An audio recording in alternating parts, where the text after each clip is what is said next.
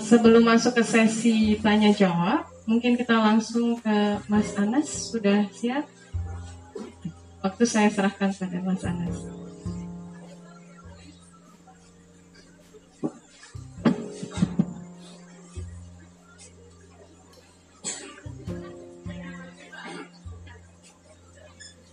Assalamualaikum warahmatullahi wabarakatuh. Selamat malam, Sugeng Dalu.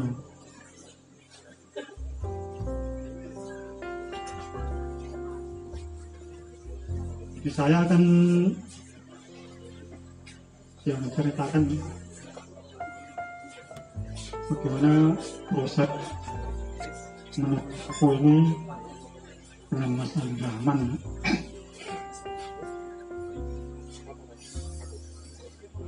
Ini sebenarnya presentasi yang tadi siang saya bawa ke buka diri Mas Yoga. Tadi sudah lihat juga.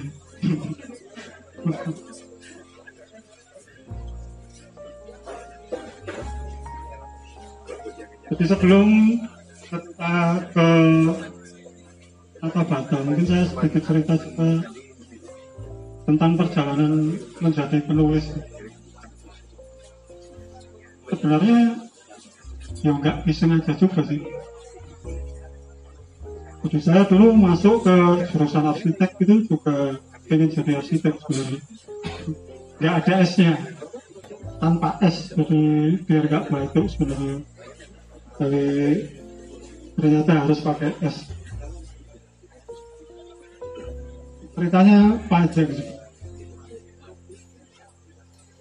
Jadi dulu ketika S1 ya ini yang yang membuat saya terpaksa menulis.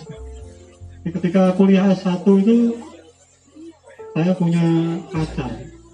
Itu anak pesantren. Ketemunya susah setengah mati. Oh iya. Iya memori. Memori. Jadi kalau ketemu itu kesatuannya itu menyamar jadi omnya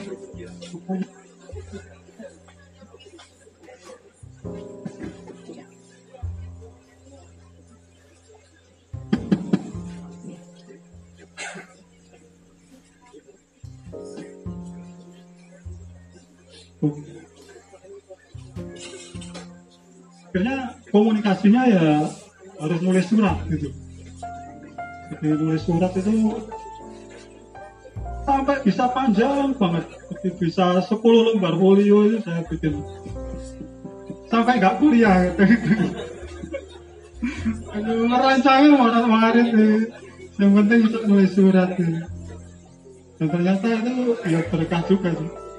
Meskipun nggak lulus lulusnya sampai kalau nggak salah 13 semester saya.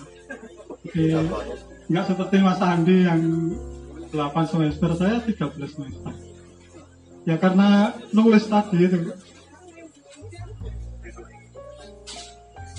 Dan ternyata itu ya mungkin nggak disadari ya jadi nulis panjang itu kadang sampai 10 lembar bisa lebih. Kadang maunya nulis pagi gitu tahu-tahu sudah sore gitu. Iya. Jadi kayak ngelombor orang di stand tapi saya nulis gitu. Untung masih lulus tuh untung masih lulus iya.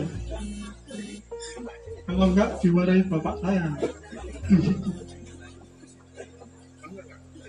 Lalu yang berikutnya yang membuat saya terpaksa menulis juga itu ketika tahun 2008 itu saya kerja di biro arsitek.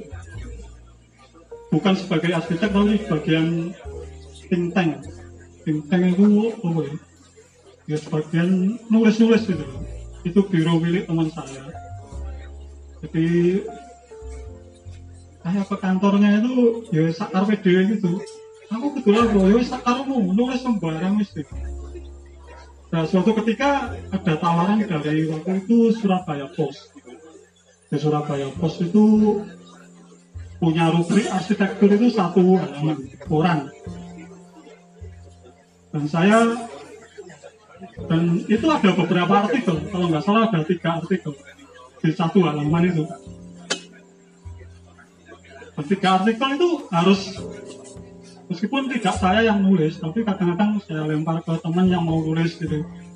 Tapi kadang-kadang seminggu itu nggak ada yang nulis gitu dan deadline kan sambil kerja juga nah, terbitnya minggu dan hari Kamis itu sudah harus store tahu-tahu itu sudah Rabu malam itu belum besok harus bikin tiga tulisan jadi ada rubrik besar tentang arsitektur, ada kolom kecil, ada tulisan lagi gitu. Jadi tiap malam Kamis itu saya harus ngobrol nulis. Gitu. Itu hampir dua tahunan ya. Ya dari situ sebenarnya terlatih untuk menulis.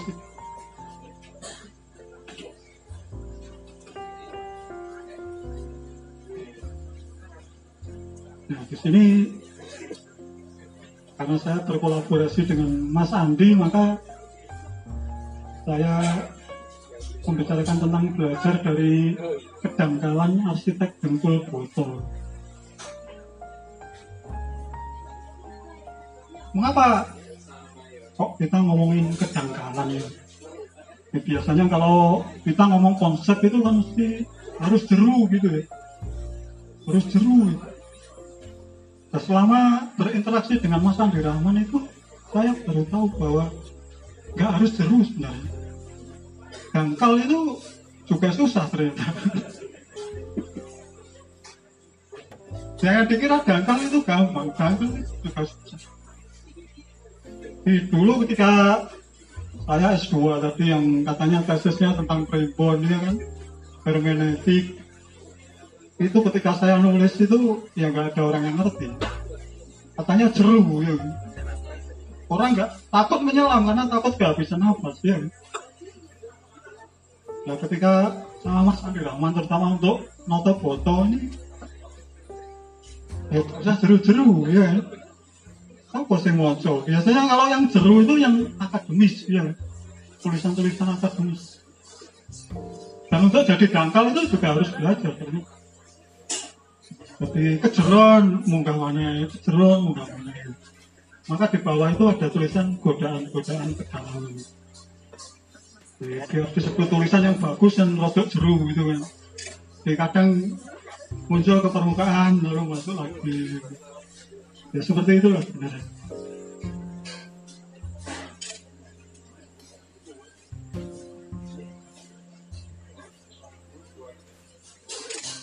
Jadi kalau di Nusantara itu biasanya kalau kita ngomong arsitektur tradisional atau arsitektur Nusantara itu kan kaitannya dengan perlambang, dengan simbol itu sangat kuat.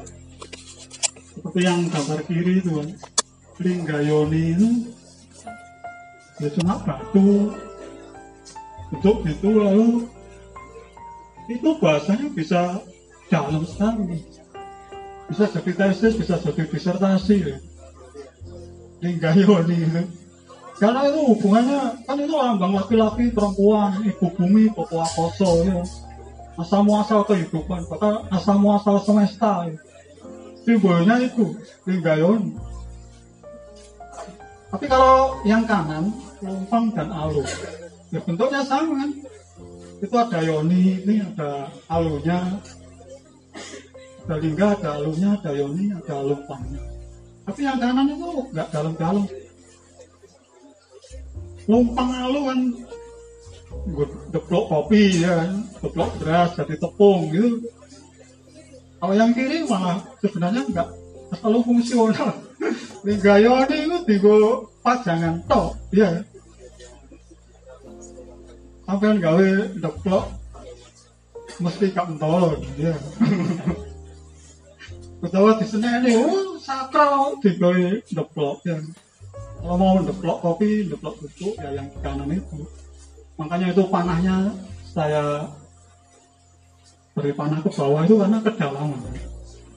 Nah yang lupa lalu dangkal.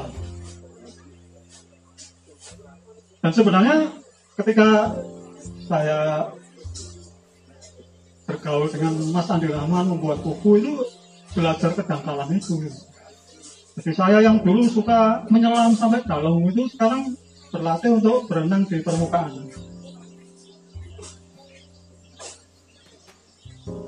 Jadi kalau ya ini sebenarnya apa ya? Ya bagaimana agar kedangkalan itu menjadi sakit gitu ya. Maka ya jadi agak dalam juga. jadi belajar lebih dalam tentang kedangkalan ini paradoks. Ini ada penyatir, mungkin ada yang tahu ya, Sutarji Kalsumbari. Jadi dia membuat puisi itu tidak berdasar pada maknanya, tapi pada bunyi kata-katanya itu.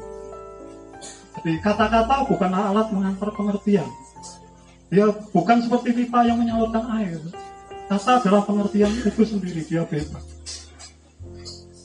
Biasanya kalau kata itu kan ada maknanya. Ini makna di balik kata itu apa gitu. Jadi kalau kita belajar dari mantra itu nggak usah tahu di baliknya ada apa. Ya kata itu cukup katanya itu yang kita kita dalami gitu. Seperti ini puisinya Sutarji di tragedi Winka dan Sihka. Di puisi ini kalau anda cari maknanya, nggak ada maknanya di belakangnya. Ya cuma kata kawin dibalik jadi Winka, kasih jadi Sihka. Jadi ketika Sutarsi membaca puisi ini, tidak perlu dicari maknanya. Ya dari dia membaca itu bunyi yang dia ucapkan itu. Jadi kawin kawin kawin kawin kawin kasih kasih. Jadi dari kata itu dan saya juga nggak tahu ini bentuknya juga mirip dengan kata-katanya Mas Raman itu Padahal Mas Andi Raman nggak pernah baca Sutarji kadang kedangkalan itu juga punya hubungan yang aneh juga.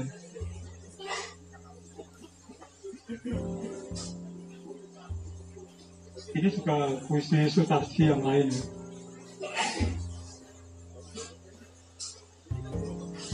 Lalu kalau bicara kedangkalan yang lain, kita bisa belajar dari Samin. Ada yang pernah tahu tentang Samin? Orang Samin itu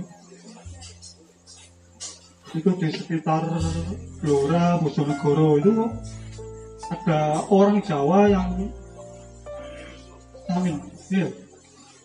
Itu pendirinya adalah Samin Sulo Sentiko. Jadi orang Samin ini punya logika yang agak berbeda dengan kita. Itu saya contohkan ya, kalau orang Samin diminta mengambilkan tas, dia akan buang dulu isinya dan menyerahkan tasnya, kan betul ya eh, tolong ambilkan tas saya. Loh kok gak ada isinya? Nah, tapi katanya ngambil tas saja. Gak bilang kalau sama isinya kan itu logika amin. Dan ya logika sederhana. Karena apa? Karena kalau kita bilang tas itu ya isinya itu Atau kalau anda bertamu ke rumahnya orang Samin, kalau anda nggak minum, anda datang lagi nggak dikasih minum. Kan logis ya. Kalau anda minum separuh datang lagi dikasih separuh. Kalau anda habiskan baru dikasih penuh lagi. Sederhana sebenarnya. Dari kemarin nggak minum dikasih nanti ya paling nggak diminum lagi. Bahkan ini juga di zaman Belanda dianggap ekstremis ini iya jadi orang Samin dikumpulkan untuk bayar pajak oleh Belandanya itu dikumpulkan. Mereka sudah bawa uang. Orang sambil kumpul bawa uang. Salah satu itu tanya ke Belandanya itu, ini uangnya siapa? Ke Belanda otomatis jawab, ya itu uang kamu. Nah, ini uangku ngapain aku serahkan ke kamu? Dia pulang. Yang lain juga pulang semua, nggak jadi bayar pajak. Belandanya yang bingung, ini mau bayar akhirnya pulang semua, nggak mau bayar. Katanya tadi uang saya ya sama dengan ketika orang samen diminta tidak boleh ngambil kayu di hutan ini. Dikumpulkan gitu. Diberi pengarahan mulai besok nggak boleh ngambil kayu di hutan. Gitu. tapi besok ya tetap ngambil lagi. Gitu. cuma kalau dipanggil mereka gitu tapi besok ya tetap ngambil terus itu logika ngambil itu ya. Nah, kalau saya kaitkan dengan kejanggalan itu sebenarnya kalau yang Sutarji tadi kalau kita bawa ke konteks bata itu sebenarnya bata itu bukanlah alat mengantarkan pengertian gitu. jadi bukan seperti pipa yang menyalurkan air bata itu pengertian itu sendiri dia bebas kalau saya melihat Mas Andi memperlakukan bata itu ya seperti jadi nggak mikir bata itu ono maknane apa ya sing penting fokus ke batang di kalau arsitek jempol foto diminta menggarap bata maka dia akan buang makna-maknanya. Dan menggarap batanya saja bahkan pada waktu open house omah foto itu kalau di mitologi Yunani ada namanya Raja Midas itu. Kalau menyentuh apa pun jadi emas. Sampai suatu ketika dia menyentuh anaknya jadi emas dan dia menyesal. Kalau Mas Andi ini Raja Midas Batal. Jadi semua yang disentuh jadi batal. Makanya hati-hati kalau salaman bisa jadi batal.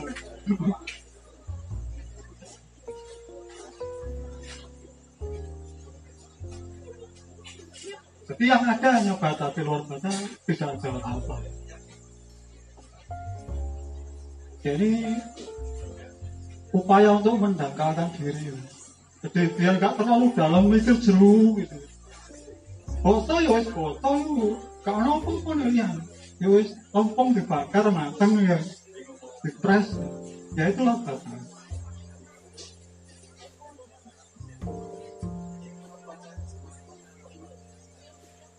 Nah, ini agak dalam semiotika.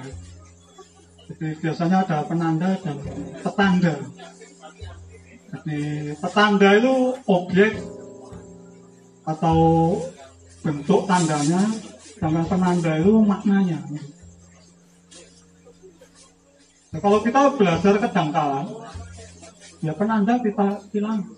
Jika kita bisa bebas mengolah bentuk atau objek ini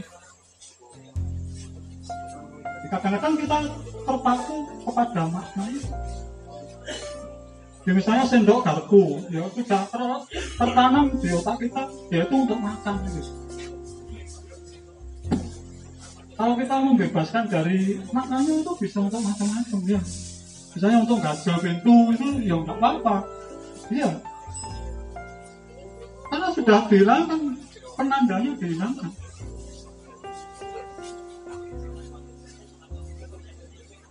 Karena kita sering kali seperti itu, jadi makna itu. Ya, seperti Linggayoni tadi ya batu ya, tapi kita kan gak, berani macam-macam karena dia memuat segudang makna yang sangat dalam itu.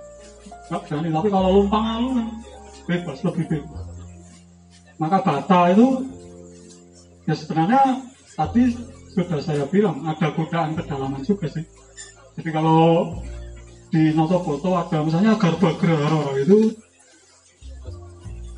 apa dari prinsip Hindu itu apa gua garba itu kan ya itu godaan kedalamannya jelas sebenarnya ya tetap batal ya. ya itu biar enggak masuk kok cetak ini rada jeruk titik gitu kan. Dan rada orang aksi ini masuk nulis cetak terus gak enak juga gitu. Makanya sebenarnya kita mau dangkal semua tapi ya godaan kedalaman itu tadi. Ya kadang-kadang karena pilaf ya ke dalam gitu ya jadi ya ya nggak apa-apa kalau dianggap salah ya nanti kita betulin lagi. Jadi biarkan bata-bata merdeka bebas dari penjajahan makna. Jadi sebenarnya saya ketemu Mas Andi ini juga proses juga. Jadi yang dulu nulis yang sesuatu yang nggak dipahami orang sekarang saya berusaha menulis secara lebih populer aja nah, kemarin ada kritik juga ya. Maksudnya yang dari Pak Murad gimana kritiknya?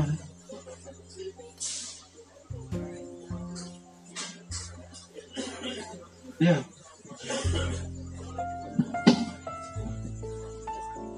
uh, di buku ini ada sub dua subjudul. Pertama adalah kecerdikan tukang dan yang kedua adalah kecerdasan Nusantara menurut Pak Ngurah kecerdasan Nusantaranya belum muncul. Ya saking dangkalnya itu lupa. Tapi saya jawab gini itu untuk buku selanjutnya Pak. Pak Wah. Iya revisi. Kang Ramo, wah berarti sudah disiapkan Mas ya ini. Iya.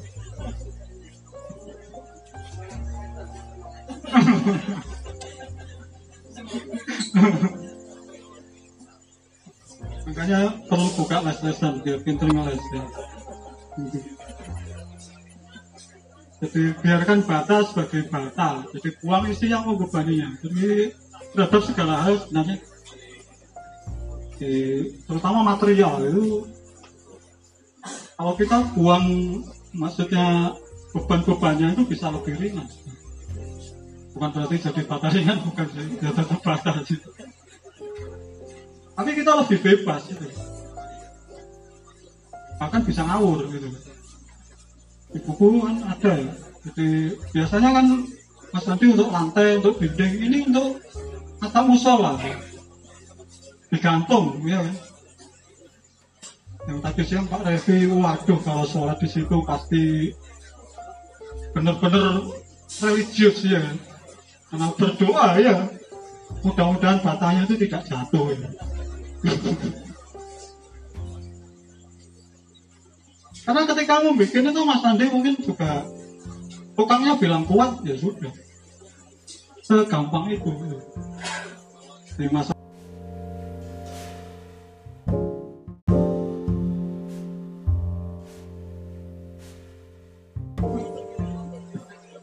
datang-datang langsung ini. Enggak. Oh ya, selamat malam teman-teman semua. Saya kebetulan kebagian epilog di buku ini. Yang eh, mana mulainya ya? ya? Saya ingin mengapresiasi apa yang dilakukan Mas Andi Rahman. Ini mungkin kalau saya melihat kalau mundur sebentar begini. Um, penekanan pada ketukangan ini akhir-akhir ini cukup menonjol. Dan itu saya pikir uh, diawali oleh finish final yang dikuratori oleh lima arsitek itu. Dari Pak Bibi, uh, Utama, Robin dan setia di Sopanti. Kalau ditarik lebih jauh lagi, memang terkait dengan pemikiran Kenneth Brampton pada waktu yang sebagai reaksi atas munculnya atau dominasi dari pemikiran-pemikiran arsitektur yang sangat filsafati dan cenderung abstrak. Nah, Brampton mengajak untuk kita kembali kepada semacam fitrahnya. Bagaimana berarsitektur dengan bertumpu pada aspek tektonik yaitu tentang material tentang uh, tentang membangun tentang mendistribusikan daya dan tentang uh, mengolah bahan dan detail.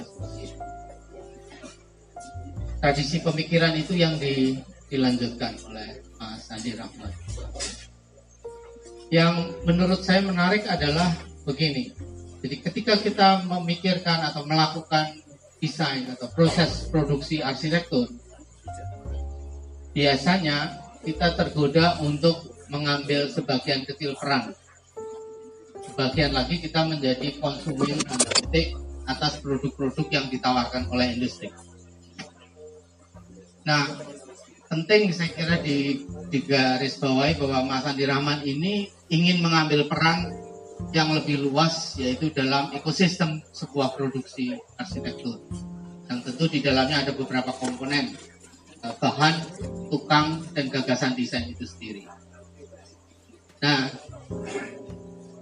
Mas Andi mau melakukan investasi, tanda petik, investasi sosial dengan bersusah-susah berkolaborasi tapi juga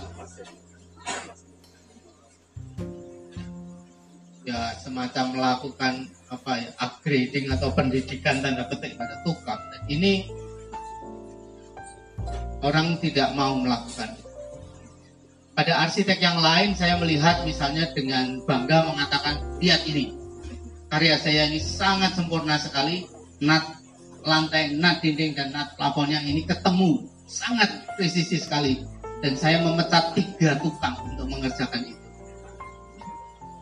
bisa bayangkan tukang ini nggak becus ganti ganti ganti sampai akhirnya ketemu tukang dengan skill set yang bisa me memenuhi atau mewujudkan gagasan desainnya.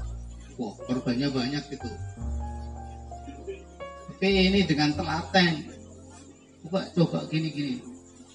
Dan itu riset panjang saya kira uh, nggak langsung ke proyek skala besar tapi nggak tahu main-mainnya berapa tahun ya itu mengulik sambil mengeksplorasi kemungkinan bata bisa di, di seperti itu ditafsir dan dijinakkan dan kemudian di dilus-lus untuk kemudian dilatih untuk mau nah coba berdiri meloncat atau guling-guling dan seperti itu itu bata dilatih sampai seperti itu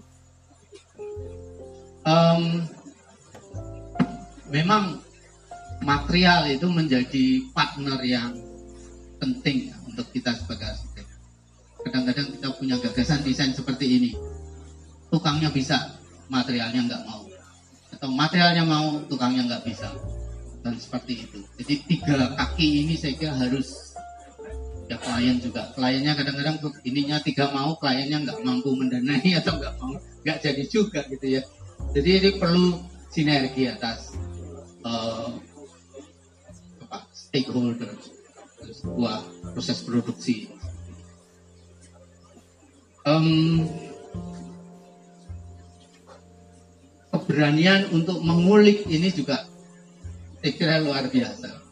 Kadang-kadang eksperimen begini-gini tujuannya nggak jelas juga tuh ya. Mau apa sebetulnya kan? Ya kalau kita situ, yang kita cari apa gitu. Nggak bisa dirumuskan di awal.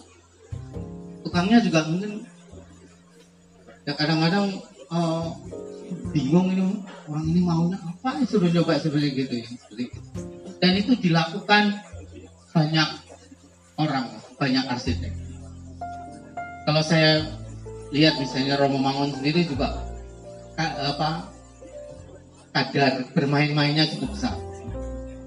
Pernah satu saat saya ke ke rumahnya gitu memasang eh, bambu-bambu gitu pakunya masih nonjol-nonjol banyak gitu.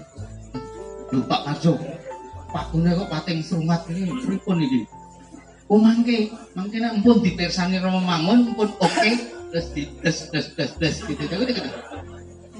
Jadi dia rupanya punya pengalaman udah gini lalu disuruh bongkar nyabuti nyabuti paku yang rintik itu nggak mudah ya. Jadi dia ah ini kalau Romo Mangun belum mantap ya nggak usah di des gitu, gitu, gitu saya tidak tahu ini relasi yang yang hangat seperti ini itu terjadi di lapangan ini kalau disuruh ditodong untuk cerita pasti ada banyak cerita-cerita yang yang begitu gitu. um, ya pemahaman bahan dan mengulik dan tadi uh, keberanian untuk mengikuti intuisi karena sebenarnya di depan juga nggak jelas. Ini sama seperti saya heran loh orang Jepang. Mereka makan pakai sumpit dan ini sudah nggak bisa disebut puluhan tapi ratusan bahkan mungkin tradisi berapa ratus tahun gitu. Tapi masih ada itu inovasi sumpit. Ini kan gila betul jadi bata dari dulu ya seperti itu, itu. Tapi ini ada orang yang masih berani memainkan bata untuk mencari untuk ngajak berdialog dan dan menemukan ada 13 13 pola Belanda. Sementara ini 13. Nanti mungkin nggak tahu berikutnya akan ada banyak lagi. Kegilaan ini saya kira juga inspiratif. Kok mau-maunya seperti nggak tahu kalau dihitung desain via kalau apa mungkin juga itu. Ada nggak tahu kerasukan apa gitu loh. Sehingga sehingga ada kerasukan bata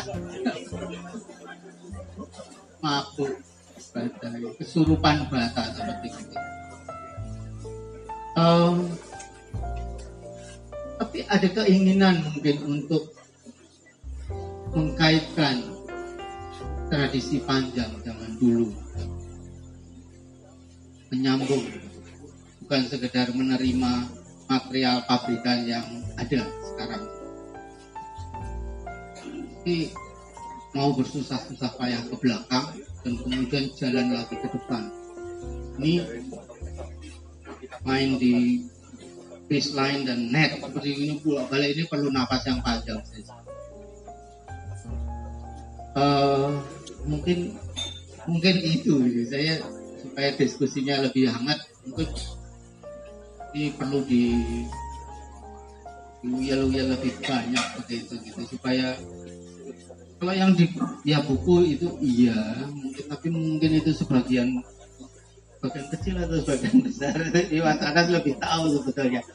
Ada hal-hal yang mungkin tidak bisa di, tuliskan tapi dikatakan bisa sharing tentang oh, ini kan rasanya mulus lalu jadi sangat indah di foto. Saya kira konflik-konflik di dalam perjalanan itu pasti banyak kegagalan gitu.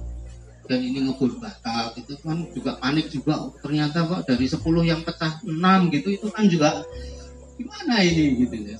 Ada ketakutan-ketakutan, ada kekhawatiran, ada optimisme, tapi juga aduh ini ini yang kliennya itu uangnya berapa ya jangan-jangan nanti berhenti proyeknya seperti itu uh, itu kekejaman juga pada klien kan gitu. dan mempertahankan kepercayaan ini juga ini tidak mudah seperti gitu ada banyak klien yang ini aja terus dimarahi terus cari arsitek lain. Ini bisa? Kok mau maunya gitu dong klien begitu. Itu juga mungkin menarik di, dikulik